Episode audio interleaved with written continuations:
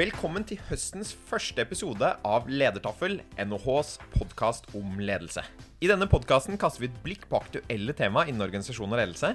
Vi diskuterer hva forskningen sier, og vi kommer med noen av våre tanker om hva ledere kan gjøre annerledes for å lykkes der de er. Mitt navn er Marius Jones, og jeg er ph.d.-stipendiat her ved Norges handelshøyskole. I denne episoden så snakker vi med Lars Petter Aase, som er Strategic Director i Idean og kursansvarlig på etterutdanningskurs i Design Thinking, som arrangeres av NHH, Høgskolen på Vestlandet, Universitetet i Bergen og Designregion Bergen. Vi diskuterer hva design thinking er, hva som kjennetegner en god innsiktsfase, hvordan vi kan legge til rette for kreativitet, og også muligheter og begrensninger i såkalte design sprints. Velkommen til en ny episode og en ny sesong av Ledertaffel.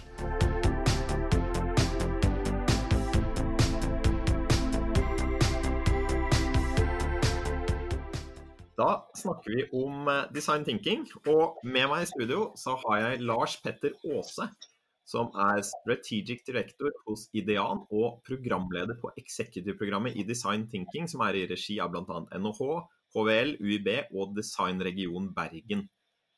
Så velkommen til deg, Lars Petter. Takk. Og så har jeg selvfølgelig med meg min faste podkastmakker, som er prorektor og førsteamanuensis Therese Sverdrup. Så velkommen til deg også. Tusen takk.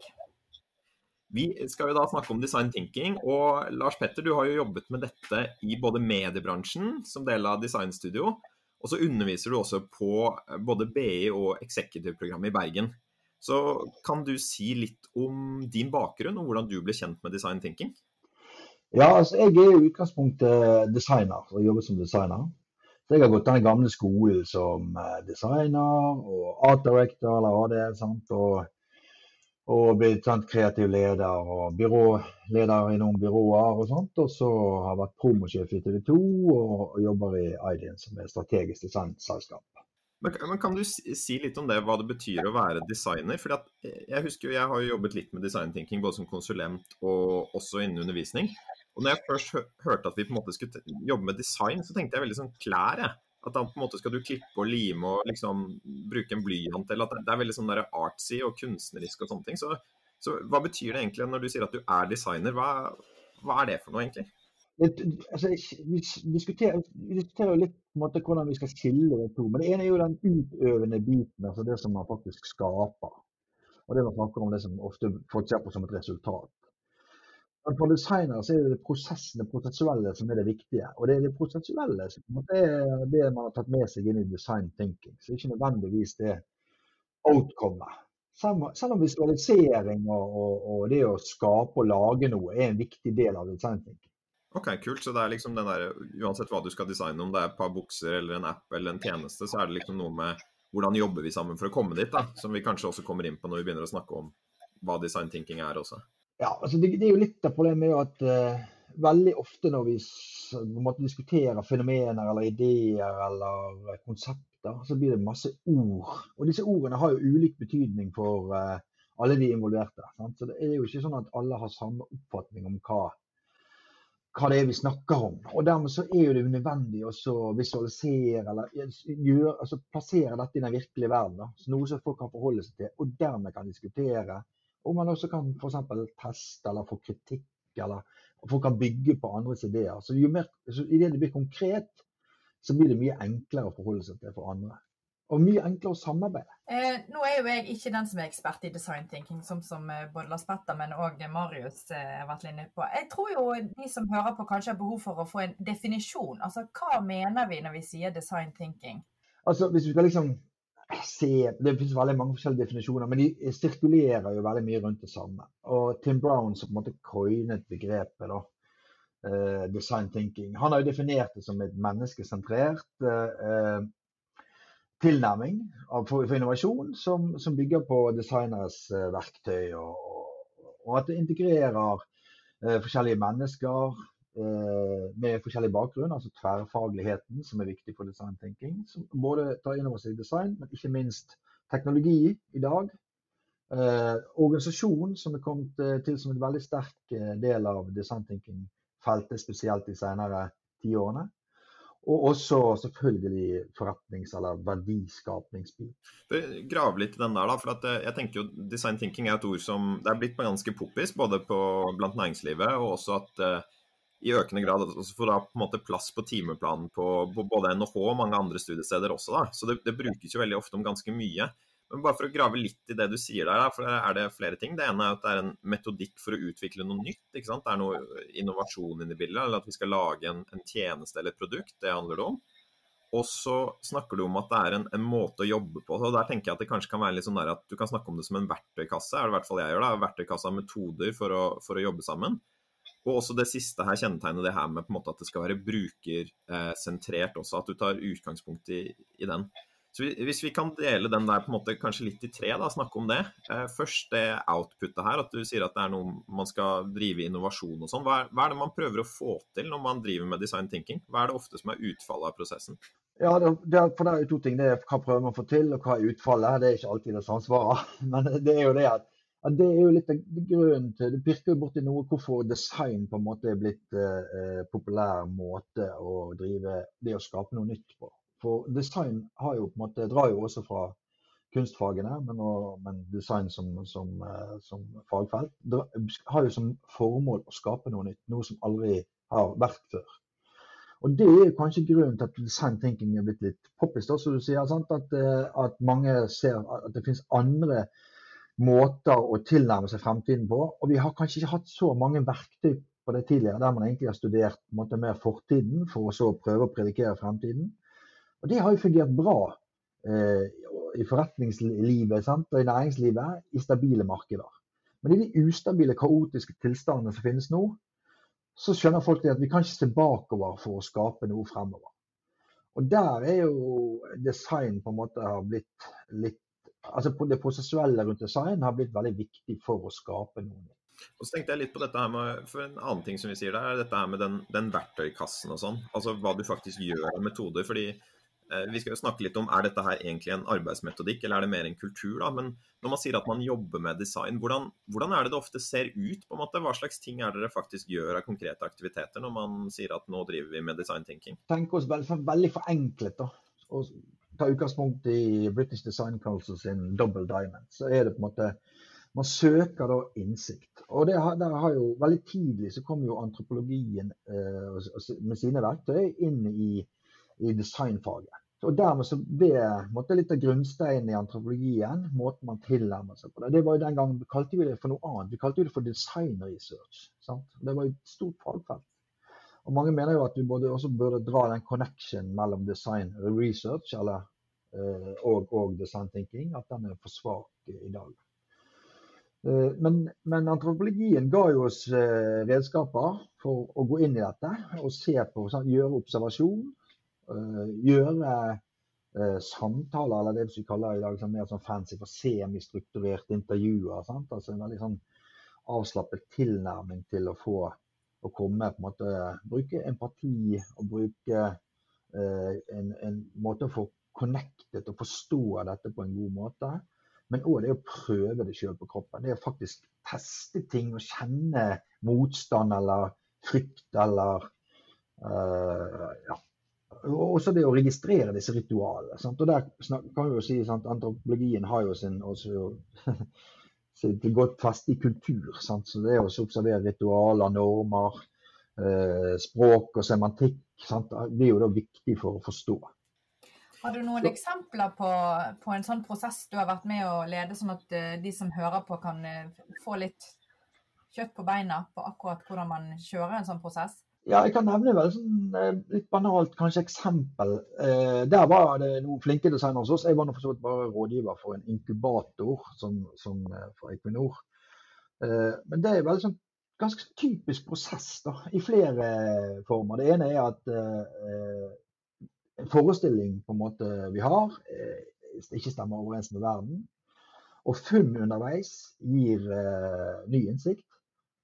Så, så det, kan, det, var jo egentlig at eh, eh de som sto for logistikk på kontrollrommet til havs på, på Equinor, de eh, skrev båtene på en tavle. Anløp, ankomst, tider, navn på båter, last osv. De ønsket vi skulle digitalisere det. Eh, så sa, vi ja, det kan vi godt gjøre, men hvor går denne informasjonen? Ja, den går, eh, den går f.eks. ut på raffineriene, altså Mongstad. Transportknutepunkt. Så ok, men da stikker jeg ut og snakker med de. Ja, Det trenger dere ikke gjøre, for vi er kontrollrommet vi har egentlig kontroll på dette. Men så de gode anarkistene designer ofte er, så gjorde vi jo det. Vi dro ut og snakket med dem. Ja, hva gjorde dere da? Nei, De fikk den informasjonen. Ved hjelp av et bilde så skrev de på sin egen tavle. Å, oh, OK. Eh, men hvor går den informasjonen videre? Ja, Den går til skipperen.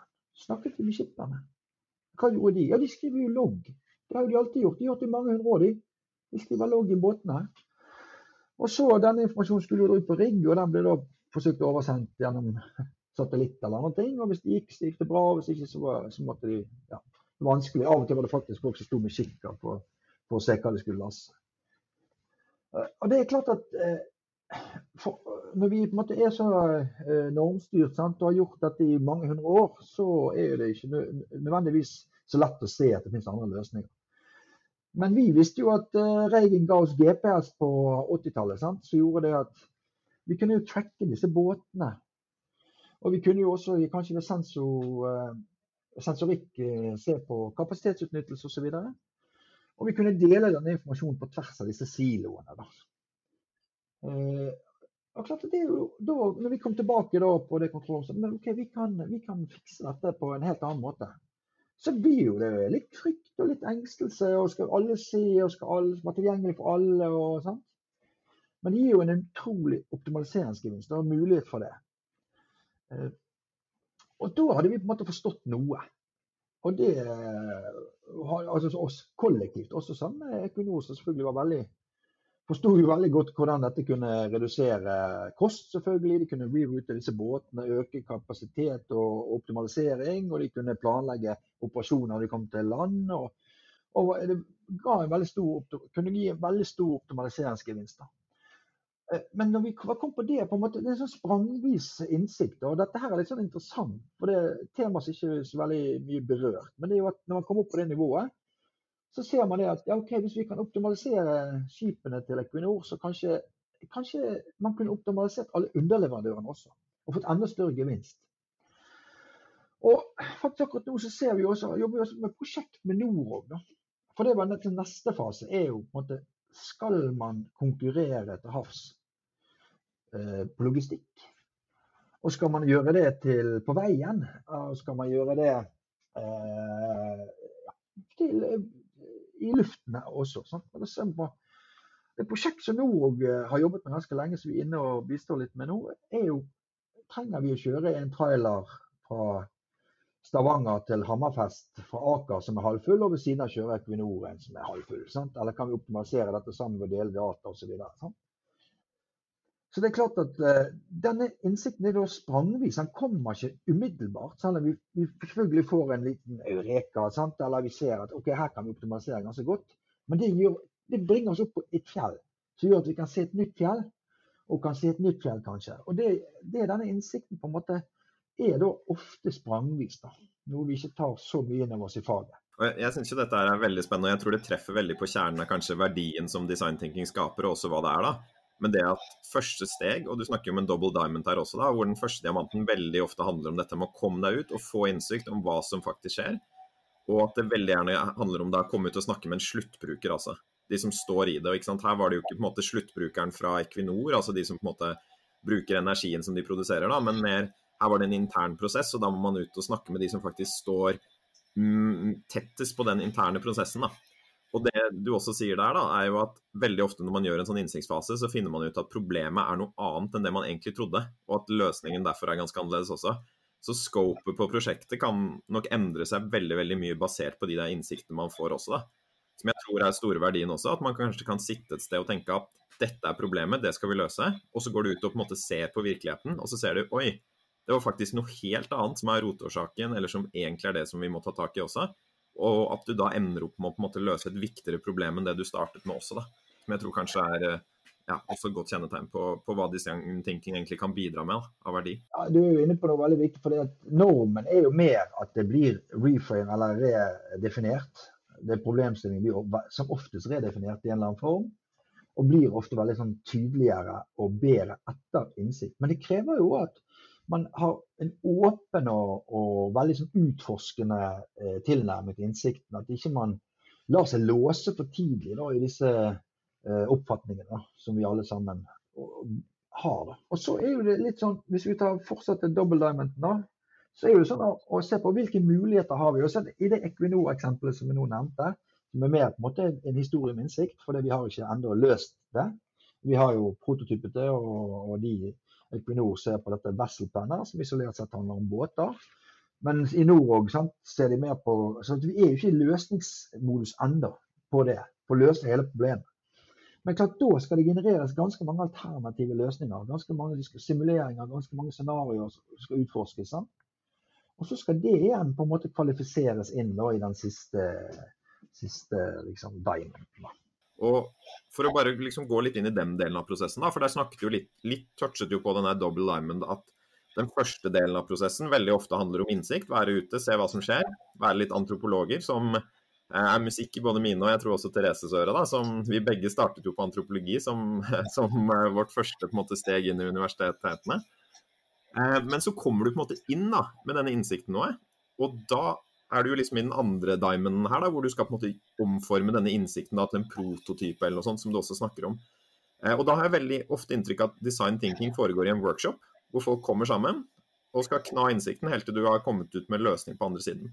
Eh, vil du si litt om, om, det stemmer, på en måte, om, om, design er noe som skjer i en workshop, og, og, hvordan ser det i så fall ut da, når du går fra innsikt til prototype? Altså det, altså det workshop-fenomenet har jo blitt litt klisjéaktig. da, Altså både i forbindelse med spesielt kanskje i forbindelse med det å samle innsikt, det man tror at, at, man kan samle masse mennesker fra ulike ståsteder og så få en ærlig tilbakemelding. Det får man ikke. Det er klart De sosiale konvensjonene gjør jo at vi lyver jo og blir politisk korrekte alle sammen. sant? Så den, det er jo to, det, en, og det andre er jo liksom disse lappene. sant? Altså disse gule lappene. Hva er det vi holder på med disse her designtikkene? Tror du bare kan smelle opp noen eh, lapper, eller sånt, så, så, eh, så, gjør det det så enkelt. Men det den syntetiseringen gjør det, For det første så er det fornuftig å være et kollektiv. Alle som har deltatt i, i innsiktsbearbeidingen, men òg kan du ha noen nysgjerrige andre aktører og andre interessenter som kan stille kritiske spørsmål. Men det er å hone den. Og det er å være på en måte veldig, veldig eh, nøye med syntetisering er ekstremt viktig. Bare sånn for å forklare det ordet, syntetisering, hva, hva er det vi legger i det? Ja, det er en form for abstraksjon. Altså det, eh, hvis vi skal hente fra, fra andre teorier, så, så, grounded theory er jo på en måte litt det er på en måte grunnlaget for det. Men der, altså grounded theory, for, for, bare å gi et eksempel på det veldig enkelt. Det er hvis, hvis noen eh, er veldig stresset på jobb, og så, så, Dette kommer jo fra psykologien, da. Så, eh, så eh, kan det være at noen de tar seg et glass eh, rødvin. Noen de binsjer, binsjer Netflix-serier, og andre tar seg en løpetur. Men de tingene har jo på en måte ingenting med hverandre å gjøre. Men samme abstraksjon av alle disse, disse tre aktivitetene, det er escapism, altså at man rømmer fra noe, vil koble av osv. Så, videre. så den, den abstraksjonen man gjør der, ved å finne kjernen, i sensene i innsikten, er veldig viktig. At man er veldig nøye, og, og, og, og, at man er kritisk til hvordan det gjøres. Så Der er det viktig at man er flere, og det er viktig at man også er kritisk, og man skal forsvare disse, den argumentasjonen veldig godt for at den skal stå seg. Og så når du beveger deg videre derfra, for det er på en måte litt sånn steg én kanskje av det som skjer i workshopen. Ta med deg råmaterialet som du har samlet ute i feltet i, i denne design researchet, og, og abstrahere det, eller på en måte finne ut hva er det, hva er det egentlig som foregår her. Og derfra så går det jo veldig ofte i en slags sånn løsningsfase hvor du skal prøve å komme opp med løsninger og bygge en prototype. Og her kommer jo veldig ofte på en måte de gule lappene inn. da. Hvordan ser det ut når man går fra på en måte eh, ferdigstilt innsikt til, til på en måte et produkt eh, der videre? Ja, altså Innsikten gir ofte, og det, og det, det blir jeg overrasket over hver gang, gir ofte veldig sånn umiddelbarhet. Du kjenner det i magen med en gang. Boom! Det der, der er jo det. Så ofte så er liksom den veien over radiation er veldig kort, for vi er veldig giret. Og da er jo på en måte sånn, Hva hvis vi Hva hvis vi gjorde dette? Hva hvis vi gjorde dette? Og så, videre. så begynner vi jo allerede å leke med det. Men vi liker jo i Aidin å ha strukturert, eh, idé, strukturert idétilnærming.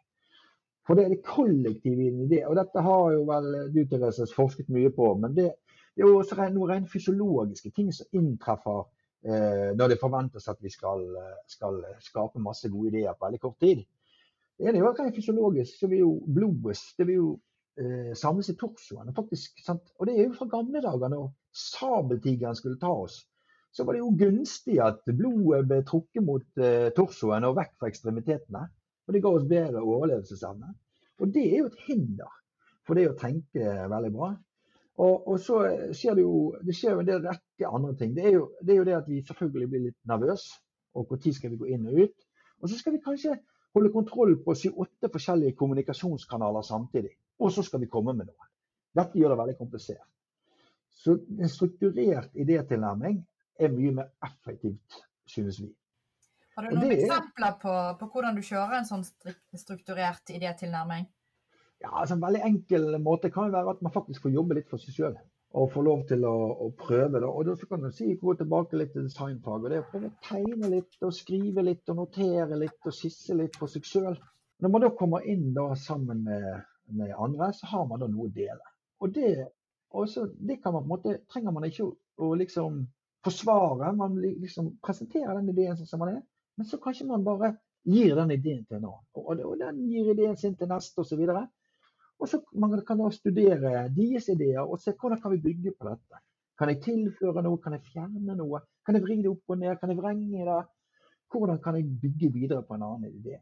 Uten på en måte, Og da har jeg gitt fra meg min egen baby, så jeg kan jobbe med noe annet. Og så kan dette gå noen runder, og så kan man begynne å diskutere hvor langt kom vi, hvor er vi, hvor står vi. Og Da har man et godt grunnlag for kanskje å diskutere ideene. Men da har man gjort et mer sånn grundigere arbeid. Ja, jeg må jo bare si at uh, yes, du har rett. Vi har forsket en del på dette. Og det å, å, være strukturell rundt kreativitet, det er jo ikke egentlig noen overraskelse. For det er jo nettopp det som skjer når folk samles og blodet bruser og skal komme opp i ideer. Så begynner man å evaluere seg sjøl og tenke at oi, jeg er jo ikke så smart som de andre, eller jeg er jo ikke kreativ, det vet jeg jo. Men det er jo det vi har eh, skjønt, at alle kan være kreative. Bare du får noen rammer rundt og satt deg i en bås der du Innenfor dette kan du tenke. Og Da liker jeg veldig godt å høre det du sier, eh, Lars Petter, om at man tar den idéfasen alene først. For da blir man ikke rammet av blokkering, som vi vet er et stort problem når man tenker kollektivt sammen.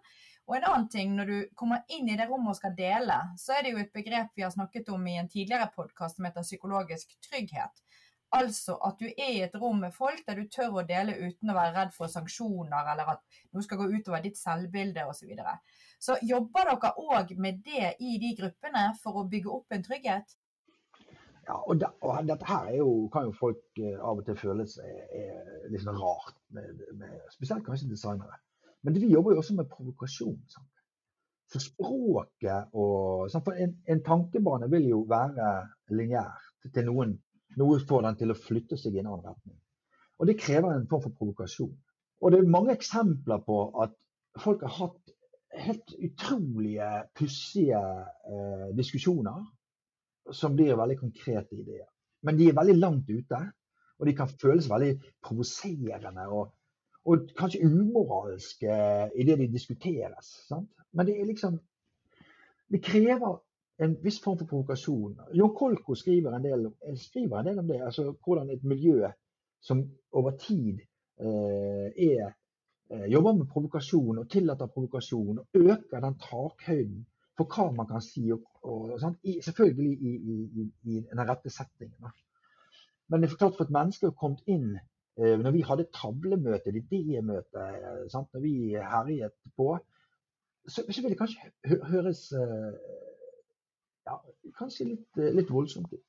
Jeg syns det er utrolig spennende også. fordi at Inntrykket mitt er at for å komme opp med gode ideer som er realistiske, så må du først gå ordentlig ut av boksen. på en måte.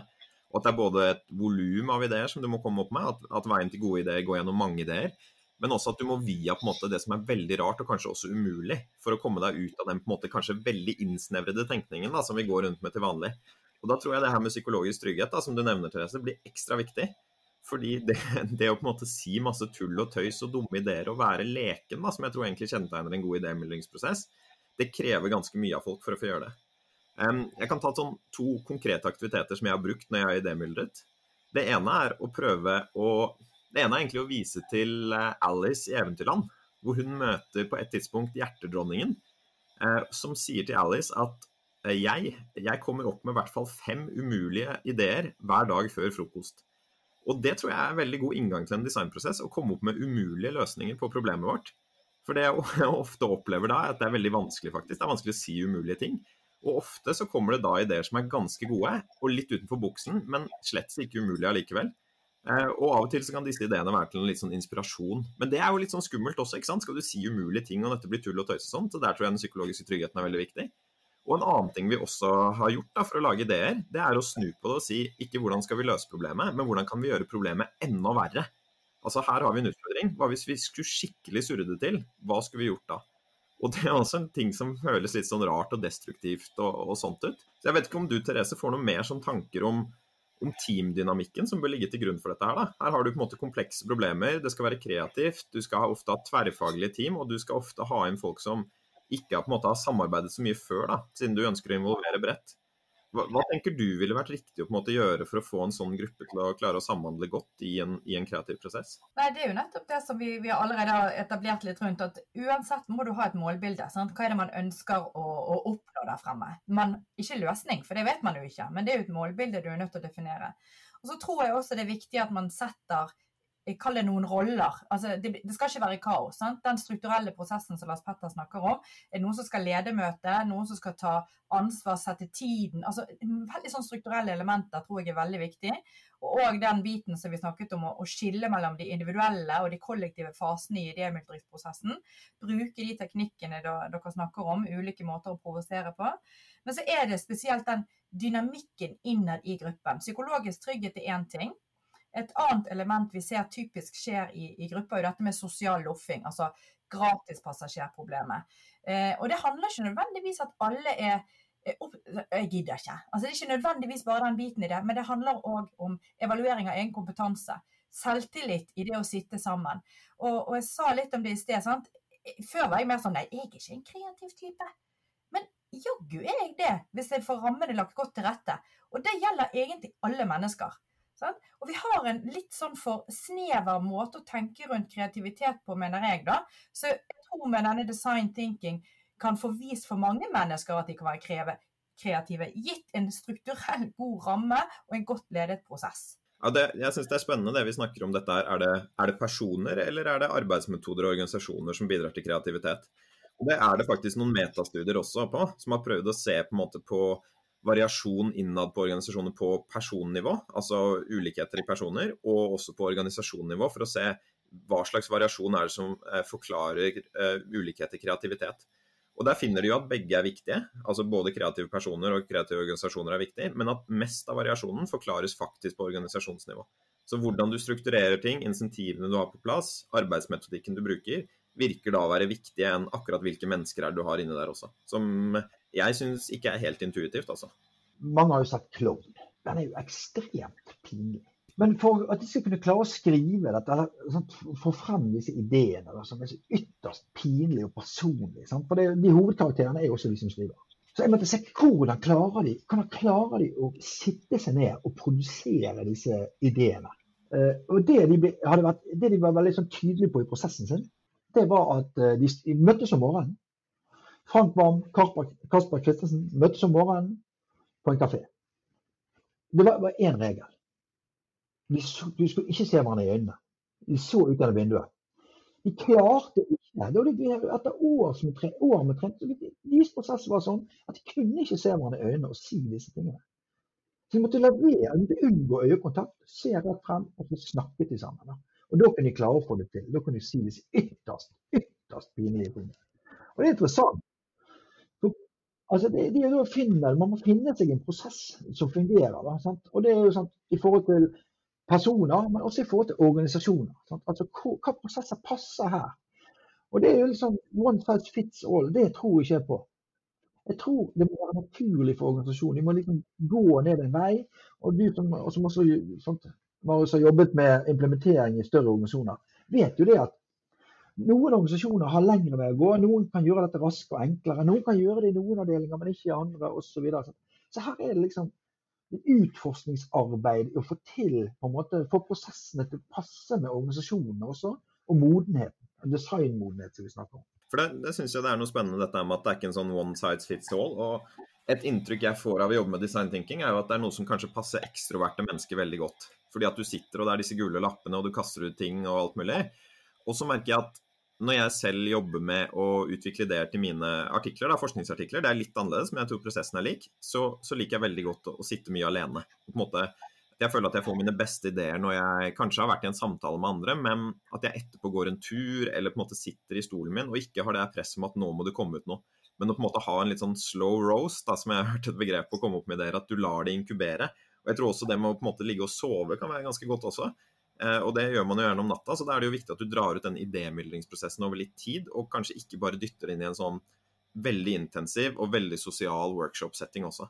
Så jeg vet ikke, Har du noen erfaringer med det, Lars Petter? Dette her med å på en måte komme opp med ideer i en sosial, intensiv workshop-setting kontra det som skjer på en måte på egen hånd, når du har sånne shower moments, kanskje, og, og, liksom få lov til å bare la disse problemene rulle rundt i hodet ditt? da? Ja, altså Det er to sånne hovedprinsipper som jeg, som jeg personlig er veldig glad i. Det ene er jo så si inkubasjon, som vi kaller det. sant? Altså det at man mørder seg, altså det at man suger til seg sant? ekstremt mye informasjon og innsikt, og så break.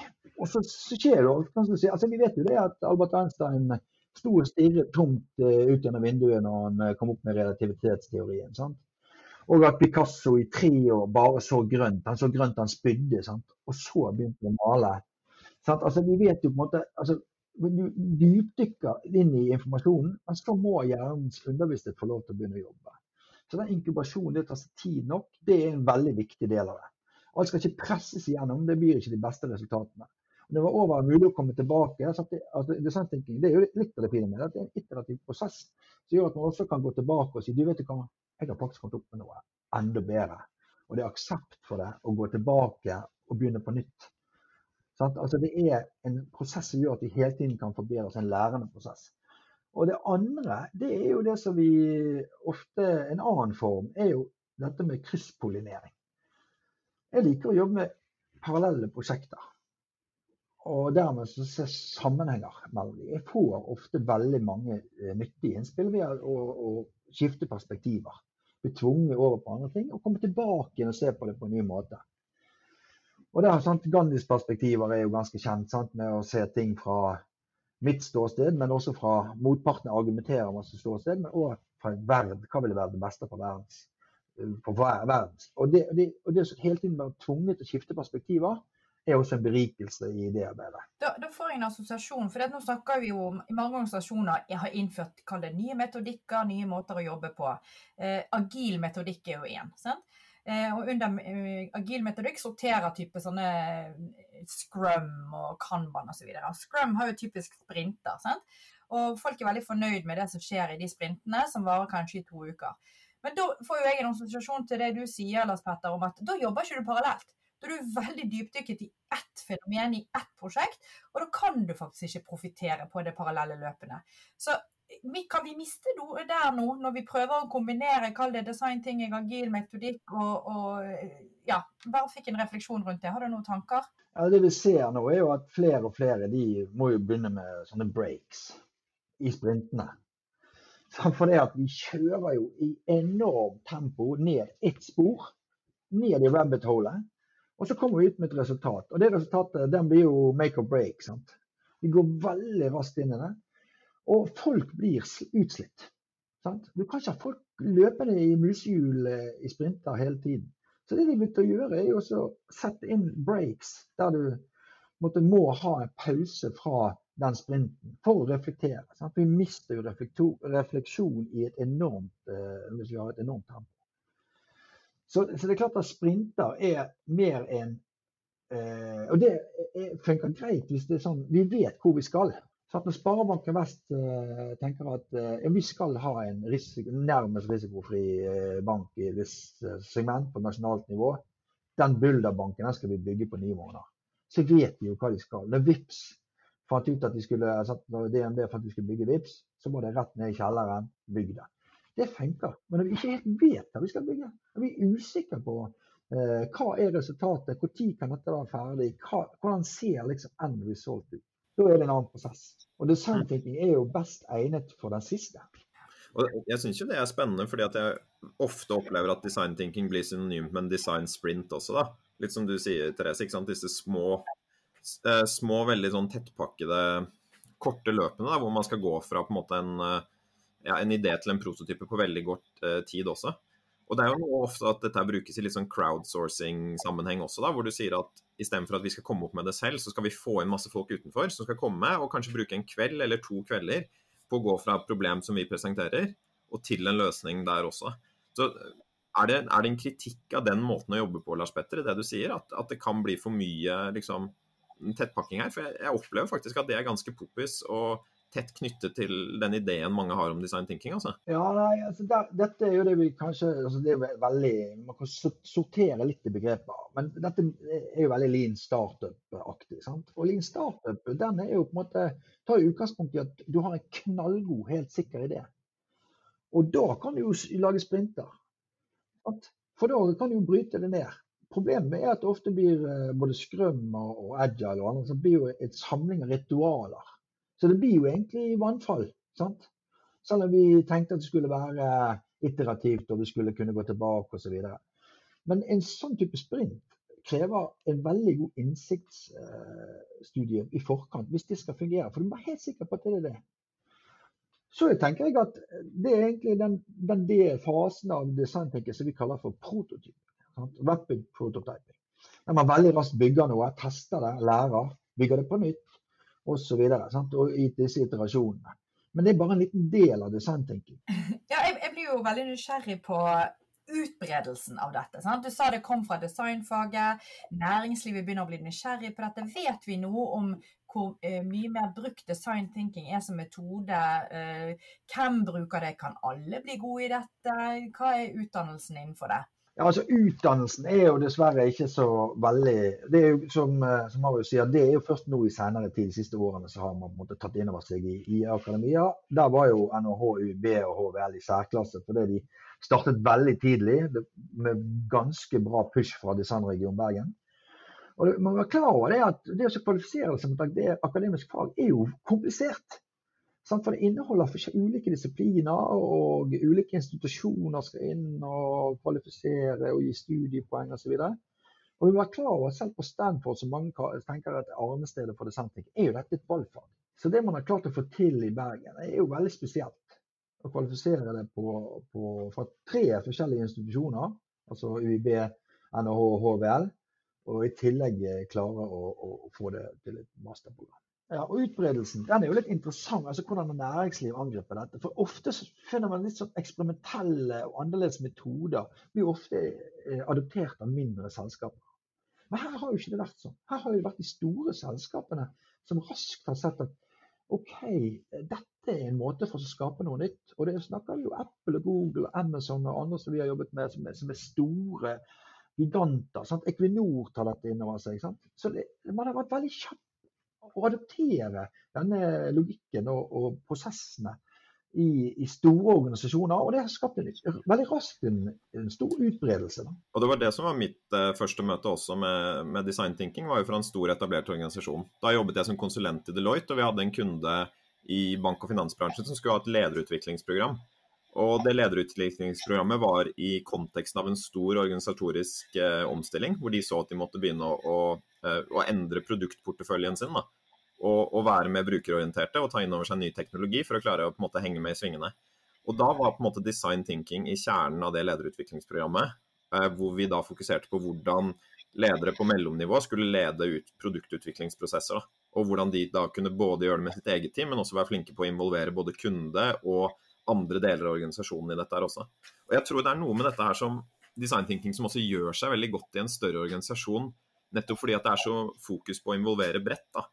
Og at hvis du klarer på en måte å trekke med større deler av organisasjonen i den designprosessen, så er det mye større sjanse for å sikre godt på en måte, eierskap rett, og da lettere å få til implementering også. på en måte. Så jeg skjønner veldig godt at det har en, på en, måte, en sterk appell blant etablerte organisasjoner som vil gjøre noe nytt og annerledes også. Eh, opplever du at okay, ok, disse store firmaene nå som har begynt å kjøre disse prosessene, man tenker òg at det er nyttig for dem. Eh, har de nå utviklet egne team som holder på med designting? Er de fortsatt avhengig av konsulentselskap? Hvordan ser landskapet ut i forhold til ja, eh, utviklingen av kunnskap om designthinking? Har du noen tanker om det? Ja, altså, vi, vi, er jo vi er ikke så veldig mange designtenkere i Norge. sant? Som jeg har en utdannelse, en bakgrunn og har gjort mange prosjekter. Mm. Men, men så de teamene de er ofte hos konsulentselskapene. Ja. Det finnes jo eh, folk ute i organisasjoner som har veldig veldig god kunnskap og veldig mye erfaring, men de blir ofte litt alene. Og det er kanskje litt vanskelig å, å stå alene og argumentere mot uh, tradisjonelle strategiprosesser eller, eller, uh, eller Lean Startup f.eks. For, for hvis ledergruppen sitter og kokulerer oppe på rommet sitt sant, og finner ut at dette er det vi skal gjøre, så, så blir det ofte sånn. Da er det effektuere og bygg det. Mm. Da er det litt vanskelig å argumentere for innsikt ofte. sant? For det, det ser vi jo om og om igjen, at i lederforaene disse her gode ideene skal da komme opp. da. Og så er det Lean Startup eller Sprinter som skal levere. Mm. Men jeg er ikke sikker på at den kollektive kunnskapen i en ledergruppe er større enn den kollektive kunnskapen i organisasjonen. Og jeg er heller i hvert fall ikke sikker på at man har nok kunnskap om brukere, og om, eh, om sisteleddet i, på, i, i ledergruppa. Hva tenker du da at en organisasjon må ha på plass for å lykkes med å kjøre design thinking-prosesser? Jeg tenker at man må Altså, jeg, altså, En større organisasjon bør jo ha en lyttepost. Man bør drive kontinuerlig innsikt i utgangspunktet. Og se på en måte hvor er det vi beveger oss. Og så er det klart at det finnes noen forskjellige Vi må sortere her. sant? Det er ikke sånn at alt er design thinking. Hvis du har gjort noe 100 ganger før, ikke tenk så mye på det, bare gjør det. Sant? Og Hvis det er komplekst og rasjonelt, eller hvis det er rasjonelt, da, at det, det, er en endring av en prosess, som ofte er sandthinking et, et, et, et, resultat av. det. Men vi skal endre den prosessen, og det er noe vedtatt. Så kan man da se på okay, hva er liksom de komplekse tingene vi trenger innsikt på, og hva er på en måte fastlåst. Og så har det de mer sånn usikre tingene. Vi, vi vet at eh, vi skal opp på det fjellet, men vi har ikke peiling på hvem som kommer der. Eller vi vet at vi, eh, at vi må vekk herfra, men vi vet ikke hvor vi skal gå. Veldig mange av de, de strategiske spørsmålene de kan få svar i, i gode innsiktsarbeid, og, og også få løsninger gjennom design thinking. Hm. Jeg tenker en ting um, Før vi begynner å gå inn for landing, da, så, så, tenker jeg at det er noe vi snakker om her ganske mye. og Det er denne innsiktsfasen hvor vi må ut og snakke med brukerne. Og, og når jeg snakker med de som har designbakgrunn, eh, design så syns jeg det jeg hører oftest, er jo det innspillet med at men hva mener brukerne, og hva sier brukerne, og ditt og datt om brukeren, på en måte.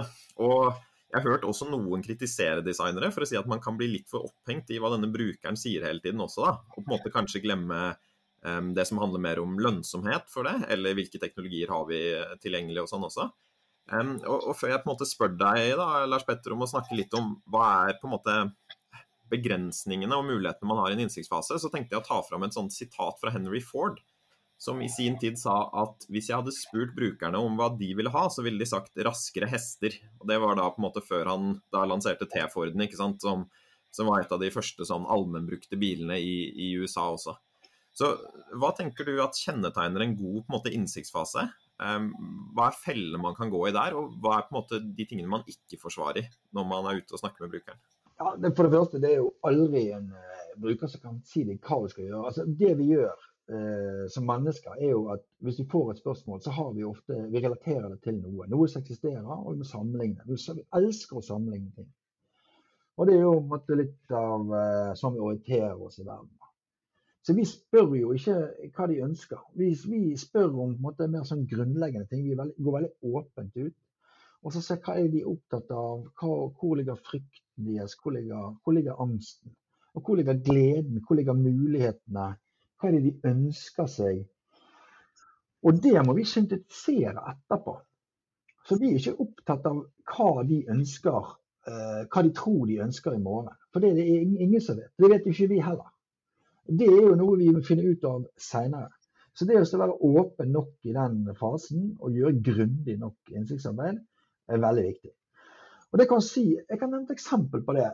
Det er jo her i, Nå er det noen år siden, men da ble det lansert en app om samkjøring i Bergen. Eh, nå skal de visst prøve igjen, men det får vi se på. Men det, det er i hvert fall lansert, og det, var, i tre måneder. som er lagt ned. Og de hadde gjort eh, innsikt, eh, men de hadde, gjort, de hadde ikke gjort eh, reell innsikt. De bygde den appen finansiert av eh, fylkeskommunen og Vegvesenet. Jeg tror den kostet rundt 45 millioner. 45,5 millioner, tror jeg kanskje. Ikke sitter meg på det, det er rundt det. Og så lanserte de den. Det gikk gale. Hvorfor gjorde de det? Jo, fordi de ikke hadde sjekket da. Altså, altså, innsikten viste jo det at økonomisk sett ville jo være bra. Både for bruker, miljø. Det ville vært et bra eh, miljøperspektiv. Det ville lettet eh, kollektivtransport osv. Det var enkelt å bruke. Eh, alle disse tingene er testet ut. Men de sosiale konvensjonene, altså det at folk klokken 07.00 om morgenen ikke vil sitte og rømme låret inntil et ukjent menneske i baksetet av en bil, som kanskje lukter eh, forsterkt Chanel nummer fem og, og slurper en pappkopp eh, med kaffe. Det vil ikke folk. Og det er på en måte det man må forstå. Man må forstå liksom de mer sånn grunnleggende tingene. Ikke bare det at jo, dette er en økonomisk insentiv for folk, som, og, og, også som de vil svare på. At jo da, det er klart jeg vil spare penger. Spør du om de vil spare penger, så vil jo spare penger. Men de vil ikke bytte de ekstra kronene mot å, å sitte veldig tett på et ukjent menneske om morgenen. Sånn er det. Jeg syns det er veldig spennende og mange eh, ting vi har eh, snakket om nå. Jeg syns du skal få lov og eh, avslutningsvis Lars Petter, å snakke litt om studiet som starter opp nå. Det er jo ikke lenge til. Kan ikke du fortelle litt om, om det studiet? Hva lærer man? Hvem er det for? Er det fortsatt plasser? Hva, hva vil du si? Det er enda noen plasser igjen. Det er, dette er et studie som går over ni måneder som er et eh, grundig studie i designtenking, som tar for seg alle fasene. Vi er veldig tydelige på innsikt, vi er veldig tydelige på syntetisering, vi er veldig tydelige på ideation, prototyping, og vi håper å komme også til eh, kanskje noen minimal viable product, altså noen uh, videreutviklede prototyper. Parallelt med det teoretiske, som er, gjennomføres med åtte samlinger, så er det også en case. Og den casen den jobber man med parallelt hele tiden. Så dette er et praktisk kurs, praktisk tilnærming, sånn som design thinking er. Eh, der man egentlig må gjøre. For design thinking er jo veldig misledende. For det første er det jo ikke veldig mye, det er jo ikke veldig mye tegning. Sånn? Tegning, form og farge. Det er det jo ikke. Og det er ikke så veldig mye tenking heller. Det er veldig mye gjøring. Det, thinking handler jo om å gjøre veldig mye. Så dette er case-basert. Reelle caser. Veldig spennende caser vi har fått inn. Så, og vi har fått utrolig flinke kandidater. Veldig, ser veldig, veldig bra ut. Veldig flinke folk som er veldig dedikerte. Så eh, det er enda noen plasser igjen, så bare løp, løp og meld på. Og Dette er jo da et såkalt etterutdanningskurs også, så dette er ikke et kurs som vi tilbyr til masterstudenter på NHH, eller at det krever at du er på en måte tatt opp på NHH eller en annen utdanningsinstitusjon i Bergen for å være med på. Dette er da for folk som har vært ute i jobb noen år, og som vil ha litt faglig påfyll. Er det riktig også? Det er riktig. Og du må ha eh, erfaring. Du må, du må, ha vært ute der og kjent på det. Og du må ha, eh, du må ha en bachelorgrad sånn formelt sett. Eh, og så, så, må du, så må du være eh, veldig interessert i å lære dette faget. Så man må skrive et lite brev om hvorfor man ønsker, det er litt høytidelig, men altså det må være liksom passion og, og lidenskap bak. Hvor kan man lese mer om eh, akkurat hvordan opptakskrav og, og, informasjon? Ja, Da kan man gå tre steder, faktisk. Man kan gå på NHH Executive sine sider på eh, masterkurs på design thinking. Man kan gå på UiB på eh, design thinking. Og man kan gå på HVL, Høgskolen Vestlandet, sin eh, side og, og finne design thinking. Så det, er alle tre institusjonene samarbeider om å få dette til. Så det er eh, imponerende arbeid, imponerende glød og samarbeidsånd mellom tre institusjoner som i utgangspunktet er relativt ulike. Og Jeg kan jo bare si at jeg gleder meg. Jeg skal få lov å komme inn på en av samlingene og forelese om team. Så det syns jeg blir veldig kjekt for min del. Ja, vi gleder oss. Vi gleder oss veldig. Og det er jo faktisk ikke lenge til heller. Så nå eh, er jo det 24.9. Da er vi i gang. Så hvis noen eh, fremdeles har lyst til å være med, så må de hive seg rundt. Det er da en måned i dag, og sikkert eh, enda litt mindre når denne podkasten kommer ut på, på, lufta også, da, om en, liten et par dagers tid. Jeg syns det var en fin avrunding på det. Jeg syns det ble en, egentlig en veldig god samtale her. Og jeg tenker det jeg sitter igjen med, er jo både dette her med at design thinking er både da en sånn workshop-metodikk og en arbeidsprosess og sånn også, men kanskje mer en sånn større måte å jobbe på. En liksom måte å tilnærme seg dette her og lage nye produkter og tjenester på også, som ikke trenger å skje i en workshop. Men det virker jo som uansett, hvis man skal holde på med dette her, så er jo dette med den innsiktsfasen og det å på en måte klare å forstå hva er det egentlig er problemet, og også ikke hva, hva er det brukeren foreslår for, som løsninger, det er ikke så interessant, men hva er det de faktisk trenger, og hvordan er det virkeligheten ser ut? Og at man klarer å bruke denne her når man skal da tegne på de gule lappene og lage prototyper og alt som kommer etter der også. Så tusen takk for at du var med, Lars Petter, og tusen takk til deg også, Therese. Takk for at jeg fikk komme. Takk for det. Du har nå hørt en ny episode av Ledertaffel, NHHs podkast om ledelse. I studio i dag var jeg, Marius Jones, sammen med Therese Sverdrup og Lars Petter Aase. Om du vil vite mer om hva vi holder på med på Norges handelshøyskole, så finner du oss på nhh.no og ved å søke på NHH på Facebook. Vi høres.